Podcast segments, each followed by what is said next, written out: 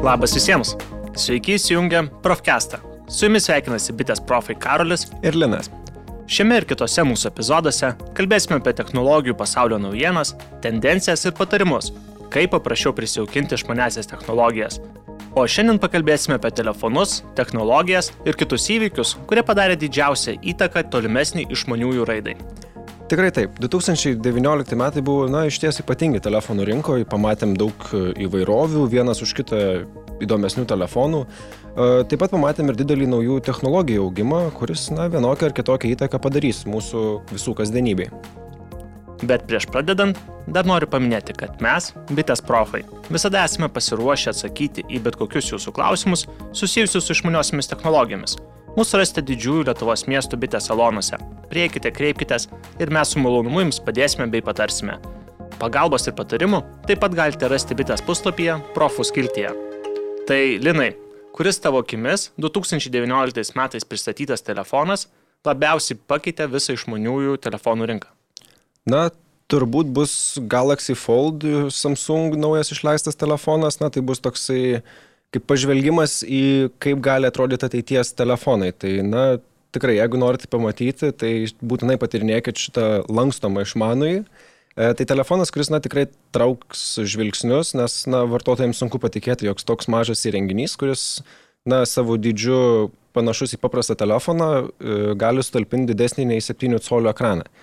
E, Tačiau tai, na, iš tikrųjų tai įmanoma dėl specialios technologijos leidžiančios pačiam ekranui lankstytis. Tai telefono nugarėlį įmontuotas vyris yra ir, na, paverčia tą patį telefoną lik knyga. Ir telefono remelį maksimaliai ploną, aišku, Samsung pasistengė padaryti. Ir, na, tokių telefonų manau, kad ateityje tikrai tik daugės, bet, na, šiuo metu tai yra tikrai nauja technologija, tai, na, visgi teks palaukti dar šiek tiek, kol jinai atsiras pas mus visus. Tikrai taip, tai Galaxy Fold yra pirmasis telefonas su tokiu sulankstomu ekranu, bet ir kiti gamintojai nesnaudžia, jau neužilgo turėtume pamatyti ir Motorola, tarkime, sulankstomą telefoną, jau ir kuris laikas ir Huawei yra pristatę savo Mate X analogišką išmanųjį su sulankstomu ekranu, taigi visai netolimoje ateityje išvysime jų daugiau ir galbūt netgi jie ir turės patrauklesnę, mažesnę kainą ir galėsime tikrai daugiau kas įsigyti.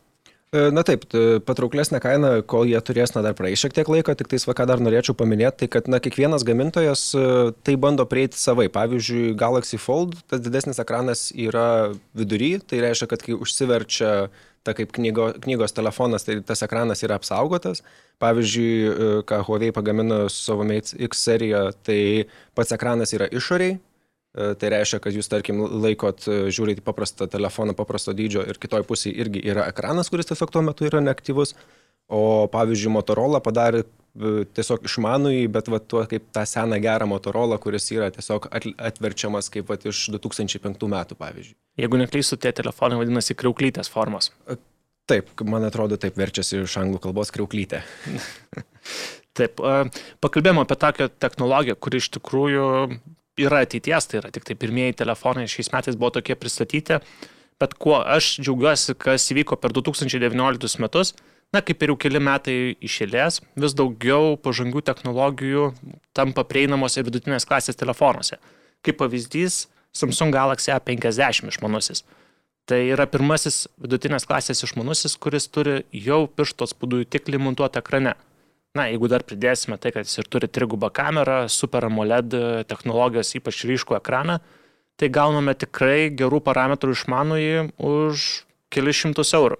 Reiktų dar nepamiršti, kad jo net ir baterija yra 4000 mAh, kas yra na, tikrai nemažas skaičius kaip vidutinės klasės telefone. Ir ji dar yra greitai kraunama. Tai Būtent. iš tikrųjų, kas jau yra kaip ir atrodo, prieš kelis metus buvo tik tai flagmanams būdingos savybės, e, jau matome mes ir vidutinės klasės telefonuose. E, paminėjai Karoliui kameras, tai na, būtinai reikėtų, žvelgiant į 2019 metus ir kas jais įvyko, tai būtinai reiktų paminėti ir Huawei P30 telefoną, P30 Pro būtent. Uh, nors ir išleistas šių metų pradžioj, bet na, kameros universalumu ir galimybėm šiam įrenginiui dar dabar yra na, sunku prilyginti kažkokį kitą įrenginį. Uh, Tai šio išmanio nugarėlę puošia net keturios kameros ir, na, aišku, įdomiausia inovacija yra periskopo principų veikiantis e, teleobjektyvas. E, taip stipriai artinančių objektyvų tiesiog fiziškai anksčiau būdavo na, neįmanoma sumontuoti telefoną, nes tam įrenginys yra tiesiog per siauras. Tai ką Huawei sugalvojo, tai kaip tą objektyvą įtalpinti, tai tiesiog išilgai telefono, o matomą vaizdą perduot per periskopą, per tokią kaip per prizmę. Tai reiškia, kad tiesiog laužia tą, tą prizmę 90 laipsnių kampu įeinančią šviesą ir iš esmės taip vat, patenka į būtent jutiklį, kuris fiksuoja vaizdą. Tai su šita technologija ir šiuo naujo, šiuo naujo objektyvu tai padarė Huawei'us, kad galima būtų priartinti net penkis kartus optiškai patį vaizdą, neprarandant kokybės E, hybridinių priartinimų iki 10 kartų, na, o skaitmeninių net iki 50 kartų. Na, jeigu jau pakalbėjome apie Huawei, vieną pažangiausių žmonių, pakalbėkime ir apie Samsung flagmaną Note 10 Plus. Note serijos telefonai jau kuris laikas garsėja kaip, na, vieni iš daugiausiai funkcijų turintis ir galintis padėti būti produktyvesniems. Tačiau Note 10, man regis, šiais metais pakėlė tą kartelę dar šiek tiek aukščiau Aš kalbu ne apie itin ryškų ten erdvų jo ekraną, kuo jau ilgą laiką garsėja serija, ar labai talpę bateriją, bet kalbu apie S Pen investies rašiklį, kuris šiame jau modelyje veikia net iki 50 m atstumu nuo pačio telefono kaip nuotolinis pultelis. Ir be to, Note 10 galima prijungti tiesiog klaidų prie monitoriaus arba televizoriaus, Bluetooth ryšių susijęti pelę klaviatūrą ir galima turėti tiesiog jau kaip, na, kompiuterį. Tai yra visomis funkcijomis galima naudotis dideliame ekrane, ar tai ir būtų dokumentų redagavimas, nuotraukų redagavimas, naršymas internete, na, visa tai veiks puikiai ir nereikės, na, kompiuterio tikro. E, jo, jeigu norite daugiau sužinoti, kaip šita funkcija būtent veikia arba kaip tai atrodo, tai turime išleidę trumpą video apie, na, būtent Samsung DeX funkciją, tai būtinai pasižiūrėkit, jeigu, na, visgi sudomina šitas. E, kalbant apie telefonu su Note užrašu savo pavadinime, tai kitas įdomus renginys pasirodė šiais metais yra Xiaomi Mi Note 10. Tai yra pirmasis telefonas su na, net 108 megapikselių kamera. Na tai anksčiau buvo manoma, turbūt visi taip pat galvojom, kad na, telefono kameros raiška yra kaip ir svarbiausia savybė. Dabar nuomonė šiek tiek pasikeitė, teigiama, kad na, tai ne, nieko nereiškia ir nėra svarbu, kiek megapikselių, svarbiau yra kokia diafragma, kokio šviesumo yra būtent pats jutiklis. Tačiau na, tiesa tokia, kad aukštos raiškos kameros yra itin naudingos na, tiem, kurie nori savo užfiksuoti, kad, užfiksuotus kadrus na, karpyti, artinti ar kitaip modifikuoti jau po būtent kadro užfiksavimo. Tai na, visą tai ir leidžia tas naujasis e, Xiaomi Mi Note 10 telefonas su savo 100, net 108 megapikselių kamera. Na ir svarbu paminėti, kad e, būtent šiame telefone yra tas 108 megapikselių jutiklis yra kurtas kartu su e, Xiaomi, kurie jį kartu su Samsung, na tai tikrai gaunat e, aukštos kokybės objektyvą. Aš dar norėčiau tavelinai papildyti, kad šios kameros jutiklio pikseliai gali apsijungti vieną didesnį pikselį ir tokiu būdu detaliau užfiksuoti prasto apšvietimo sąlygomis vaizdus. Ir tai leidžia daryti geresnės kokybės nuotraukas, tarkime, sudėtingo apšvietimo sąlygomis, e, tamsoje, naktį, tarkime, miesto panoramą įamžinti. Ir kas manau, kad lygiai tą pačią technologiją ir tie tokį didelį pikselių kiekį, tikėtina, kad turės daug daugiau išmaniųjų ateityje. Jo, ir kalbant apie ateities išmaniuosius, na tai sklinda gandai, kad labai panašią kamerą turės ir būsimas Samsung flagmanas, tai Galaxy S11. Taigi, jeigu pakalbėjome apie Huawei, Samsung flagmanus, pakalbėkime ir apie Apple naujausią išmanųjį iPhone 11 Pro. Kaip ir visada, kiekvienais metais pristačius jisai tapo be negreičiausias išmanusis visoje rinkoje, buvo patobulintos kitos savybės, kaip, pavyzdžiui, veido atpažinimo funkcija pradėjo jame veikti dar greičiau, tiksliau ir, ir sklandžiau, kad nors tiesą sakant ir ankstesniuose modeliuose jinai veikia tikrai pakankamai gerai. Bet manau, kad labiausiai iPhone 11 Pro išsiskyrė iš visų kitų esančių telefonų rinkoje savo filmavimo galimybėmis. Jo, nes iš tikrųjų gerai fotografuojantį telefoną rasti yra, na, tikrai nesudėtinga, beveik visi brangiausi renginiai tai daro pakankamai gerai. Na, o kita vertus su filmavimu gerokai sudėtingiau. Taigi iPhone 11 Pro, triguba galinė kamera, išsiskiria itin paprastu ir intuityviu valdymu, galimybė filmuoti 4K raišką 60 kadrų per sekundę greičiu, bei turi cinematic vaizdo stabilizavimo sistemą, kuri, na, iš tikrųjų sužavi savo galimybėmis, kaip jinai gali stabilizuoti vaizdą, net einant ar sudrebinus ranką vaizdo įrašas vis tiek išlieka sklandus. Ir manau, kad ką mes matome dabar iPhone 11 Pro su būtent filmavimo galimybėmis, kitais metais pamatysime turbūt ir didžioji dalyje kitų flagmanų. Jo, tai iš esmės ir tampa, na, ta nauja tendencija, kaip e, turbūt plataus kampo objektyvai tapo tam tikrų trendų, tai dabar filmavimo galimybės turėtų judėti į tą pusę, kad, na, visi dabar tai pagrindę fokusuosis. Manau tikrai taip. Dar yra ir kita technologija, kurią pakankamai visi gamintojai akcentavo ir pristatė savo pirmosius telefonus, kurie jau palaiko 5G ryšį. Ar taip, Linai? Jo, tai iš tikrųjų tai turbūt pirmasis buvo Samsung Galaxy S10 Plus 5G, būtent su šito ryšio palaikymu. Na ir apie 5G technologiją tikriausiai jau esat girdėję, tai vadinama kitos kartos internetu. Tai ką tai duos, tai greitą bei labai tikslų bendravimą tarp įrenginių, kurie būtent palaiko šią technologiją.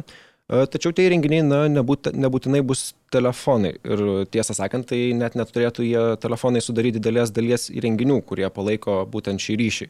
Tai didžioji dalis šio ryšio vartotojų bus na, namų apyvokos ar eismo reguliavimo, medicininiai prietaisai pavyzdžiui. Na ir žinoma daug kitų. Tai daug kitų įrenginių, kurie na, reikalauja tikrai didelio tikslumo. Jo, tai pavyzdžiui, pasirodžius 5G ryšiui, eismo reguliatoriai galės realiu laiku matyti judančius automobilius, taip galėdami geriau kontroliuoti eismą. Nuo su laiku 5G ryšio technologija galės naudotis ir autonominiai automobiliai.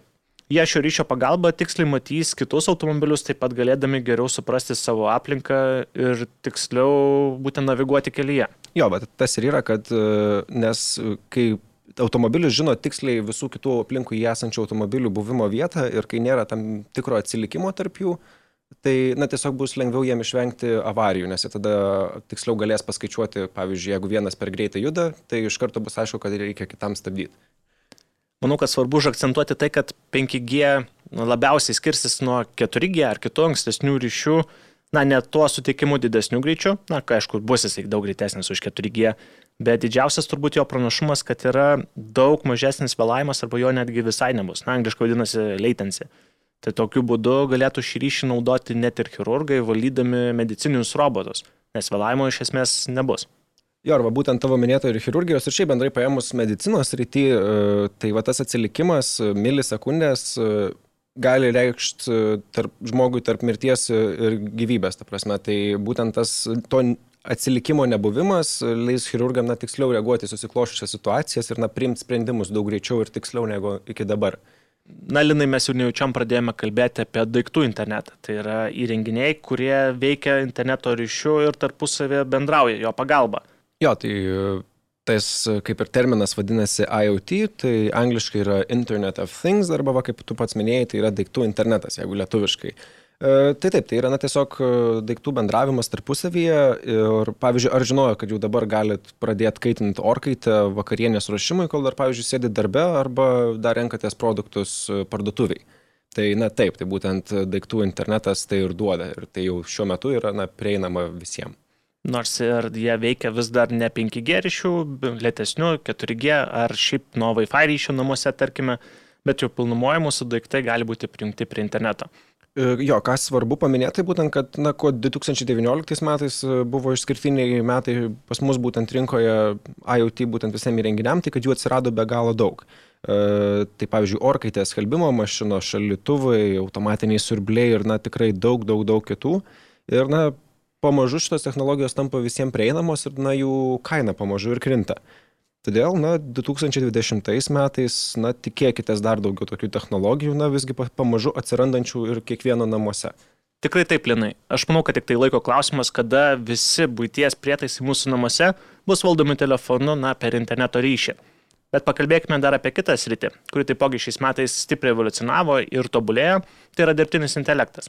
Na, kas dar nežino, tai yra kompiuterio galimybė mokytis, tobulėti bei priimti sprendimus remiantis praeitimi bei turėtais duomenimis.